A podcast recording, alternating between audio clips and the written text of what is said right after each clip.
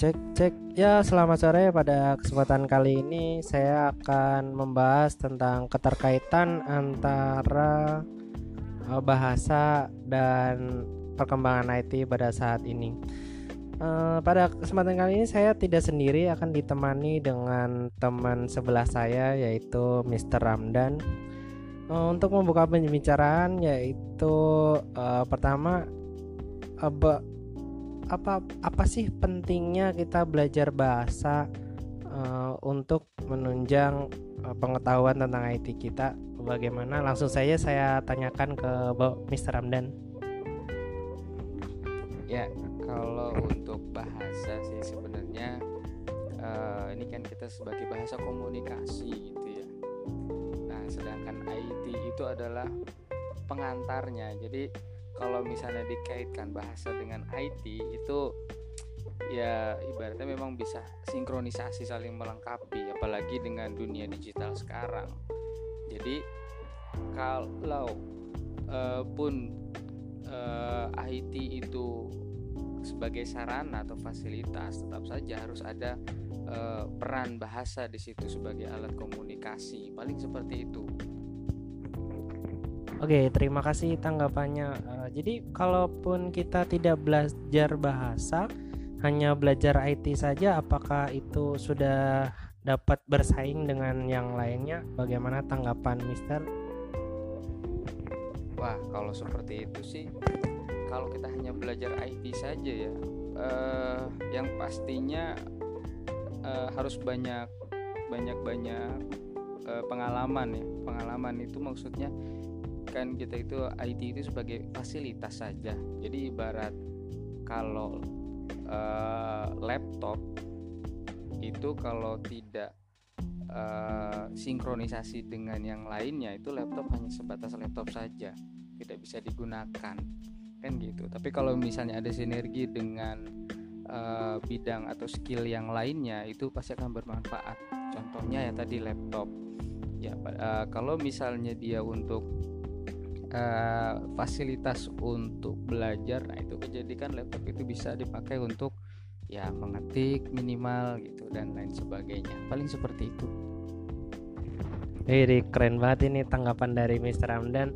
Uh, kemudian kalau kita lihat dari sudut pandang dari anak bahasa nih, kalau anak bahasa yang hanya mempelajari bahasa saja, kemudian tidak mempelajari perkembangan IT, itu menurut Mister bagaimana pendapatnya?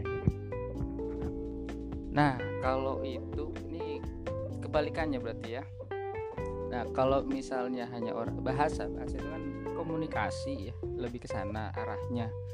Jadi eh, dia hanya sebatas informasi-informasi atau seputar relasi itu paling seperti itu. Dan memang eh, kalau untuk bahasa itu, kalau misalnya kita tidak bisa uh, berkomunikasi dengan baik itu juga percuma saja bahasa. Ya, jadi kalau kita belajar bahasa berarti uh, kategori dia itu menguasai suatu bahasa itu adalah ya dia itu pasti banyak bicara. Seperti itu. Beda dengan IT. Kalau menurut saya kalau semakin ahli dia di bidang IT ya semakin dia uh, fokus terhadap bidangnya. Dan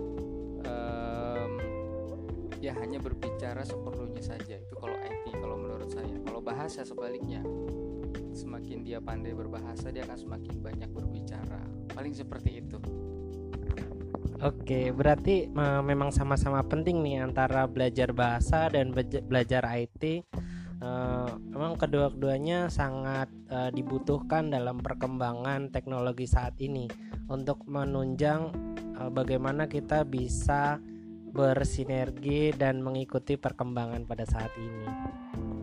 Oke, mungkin sekian saja pembahasan tentang bahasa dan IT. Apakah ada pesan-pesan untuk dari Mr. Ramdan untuk teman-teman pendengar ini? Ya, paling gini aja kesimpulannya adalah uh, bidang IT dan bidang bahasa itu ya sama-sama diperlukan apalagi sekarang ini ya dunia digital jadi uh, keduanya itu sangat penting penting sekali uh, apalagi uh, kalau terkait dengan dunia usaha nanti ke depannya semua itu pasti akan terkait dengan kedua bidang ini. Jadi minimal kita semua uh, paham lah terkait dengan IT ya meskipun uh, pengetahuan dasar dan juga bahasa sebagai alat pemersatu atau alat komunikasi. Itu paling paling seperti itu uh, Kang Agung dari saya pendapatnya. Mohon dikoreksi kalau ada salah. Terima kasih. Oke, terima kasih pada kesempatan kali ini uh, cukup sekian pembahasannya. Uh, mohon maaf apabila saya banyak salahnya. Uh, salam semangat dan terus berjuang. Terima kasih.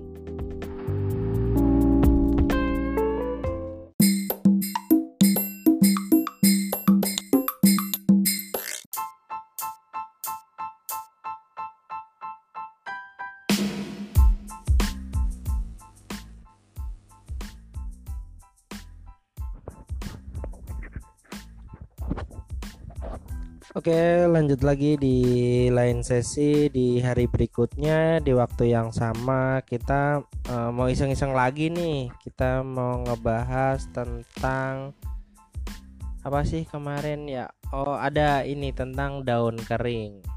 Ngomong-ngomong soal daun kering, apa sih yang bisa kita bahas dari sehelai daun kering itu? Oke, langsung saja uh, saya lemparkan ke teman saya Oke, terima kasih.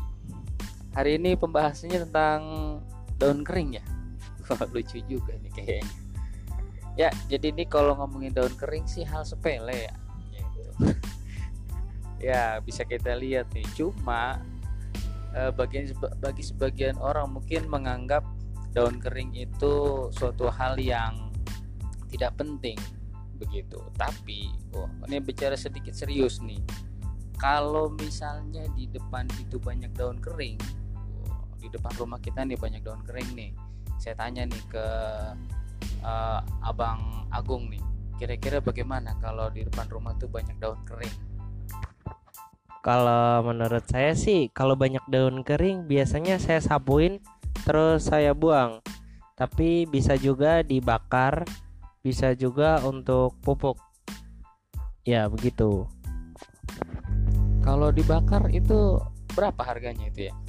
Kalau ayam bakar kan lumayan itu 10 ribuan ada tuh dapat nah kalau daun kering gimana itu? Oh jadi gimana nih? Uh, ayam bakar daun bakar. Daun bak kalau di kalau daun bakar kayaknya dijual nggak laku deh kalau ayam bakar sih ya bisa dimakan kan. Tapi kalau daun kering eh daun bakar apakah bisa dimakan juga tuh? Nah jadi gini kalau misalnya daunnya itu dibakar sekalian tuh sisipin sama singkong. Nah nanti kan singkong itu kebakar tuh mateng. Nah lumayan dan tuh dibuat makan rame-rame gitu ceritanya Nah, lanjut lagi nih bicara tentang daun kering. Ya, kalau ngomongin daun kering juga kita lihat nih kalau ada seorang seniman itu ngelihat daun kering, wah, itu pasti muncul suatu ide-ide. Begitu kurang lebih. Ya, bisa tinggal modal uh, apa tuh pewarna sepuhan. Nah, tinggal diciprat-cipratin di kertas, wah, jadilah suatu karya seni itu menurut seniman. Begitu ceritanya. Bagaimana bagaimana bagaimana? Apa pendapat uh, abang Agung nih kira-kira tentang daun kering? Jadi itu tadi kalau dari sudut pandang seniman ya memanfaatkan daun kering sebagai karya seni kalau dari saya nih dari sudut pandang seniman misalkan saya seorang seniman nemu sebuah daun kering. E, kalau sebuah daun kayaknya kurang sih. Harusnya banyak daun ya. Barak banyak daun. Daun-daun keringnya itu ditempel-tempel terus kemudian dijadikan lukisan. Jadi lukisan daun kering yang ditempel-tempel. Atau ada lagi nih dari Mister Dan? Iya iya iya iya. emang sih eh, banyak yang dibahas tentang daun kering ini ceritanya. Eh, tapi nggak lepas dari materi tentang daun kering juga. Ini sih adanya sih cuma eh, di taman-taman ini kayaknya. Gitu. Kalau misalnya rumahnya yang nggak ada daun pohon pepohonan mungkin agak susah nih nyarinya. Nah, itu langka itu sekali langka banget. Begitu kurang lebih. Kira-kira eh, ada tanggapan lagi nggak? Kalau nggak ada, saya masih banyak ini tanggapan-tanggapan tentang daun kering ini.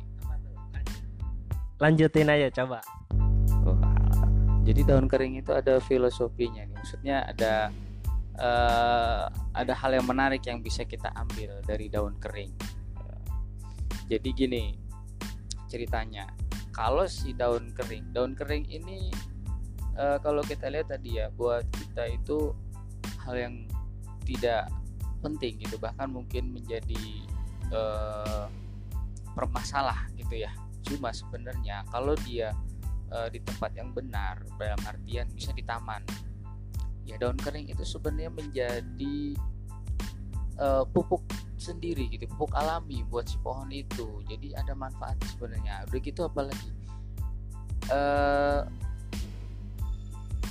apa dengan adanya daun kering itu juga banyak yang namanya nanti ada habitat-habitat yang muncul. Seperti apa? Ya tinggal lihat aja nanti kalau misalnya kita lihat di depan. Kita angkat daunnya nah situ banyak kehidupan kehidupan gitu kira-kira. Mantap kan? Ih, seperti itu. Apalagi eh paling seperti itu aja kali ya tentang daun kering Eh, mungkin nanti bisa dijadikan judul perjalanan eh, kisah daun muda eh daun muda daun hijau nah kayak di eh, pegunungan. Teh daun teh yang diambil adalah daun keringnya kan bisa dikeringin dulu apalagi yang lagi mantep nih daun ganja kan dikeringin mantap itu kayaknya. Uh jauh amat ngomongnya ya. Ya seperti itulah paling kita bahas tentang daun-daun kering di sekitar kita. Oke paling seperti itu. Eh, abang Agung terima kasih. Ya em, begitulah eh, pembahasan kali ini tentang daun kering. Kayaknya ini obrolan omong kosong yang nggak nggak begitu penting tapi bolehlah disimak didengerin gitu kan. Siapa tahu ngisi waktu kekosongan kalian yang lagi eh, gabut gitu kan. Jadi sambil dengerin podcast yang nggak penting ini kali aja dapat inspirasi. Oke siap. Ya sudah eh, kami minta maaf apabila ada salah-salah kata. Terima kasih selamat sore dan tetap berjuang. Terima kasih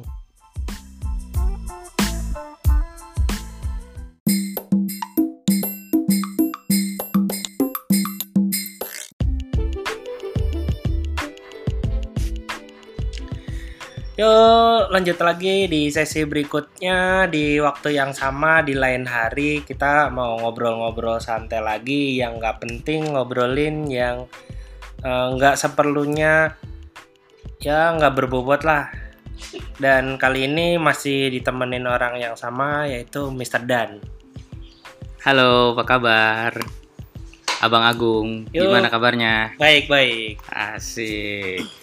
Jadi sore hari ini tentang apa? Tadi sorry lagi fokus sama ini nih. Ada WA dari seseorang nih. oke siap eh kita mau ngobrolin tentang provokator Oh provokator. Wah Iya. seru juga kayaknya ngomongin provokator. oh, iya dong Iya iya iya iya. Itu Karena- kok? Ah kenapa kenapa? karena sekarang kan zamannya banyak nih provokator Mm, mm, mm. yang eh, dapat menyebabkan orang lain tergerak, ter tergerak, ter termanipulasi, ter ter apa itulah banyak lah pokoknya. Oh, iya, pokoknya itu dia terteran ya Harry Potter nah begitu ya Oke. terasi gitu ya oh, Iya. iya dah sip Jadi kalau provokator itu bukannya buat itu ya, bolongin kertas itu tuh provokator. Eh, belum. Nanti itu Oh, konklusinya. konklusinya. Iya, Oh, sekarang iya. kita kita bahasnya ya, itu Oh, dulu. jadi ini nih, kecepatan. kecepatan nih. Oh ya Iya. udah nggak apa-apa. Provokator ya. Provokator itu biasa. Kalau ada yang lempeng, nih, nih sorry nih nggak bisa bilang lurus nih, soalnya susah bilang R. Jadi bilangnya lempeng nggak apa-apa ya. Oke, Nah, siap. Jadi kalau ada ya sesuatu yang lempeng-lempeng aja itu pasti ada lah sesuatu yang eh, provokator gitu. Apa tuh misalnya yang buat garis itu kan ya, jadinya ya jadi biar lempeng gitu. Iya, Nah, itu penggaris. Oh penggaris bukan provokator namanya. Iya, kalau Oh. enggak meteran, pakai Oh, meteran. meteran. Eh, Oke dah. Nah, eh, jadi ya seperti itulah kira-kira untuk bicara tentang provokator. Ngomong-ngomong kita ini termasuk yang provokator juga bukan sih?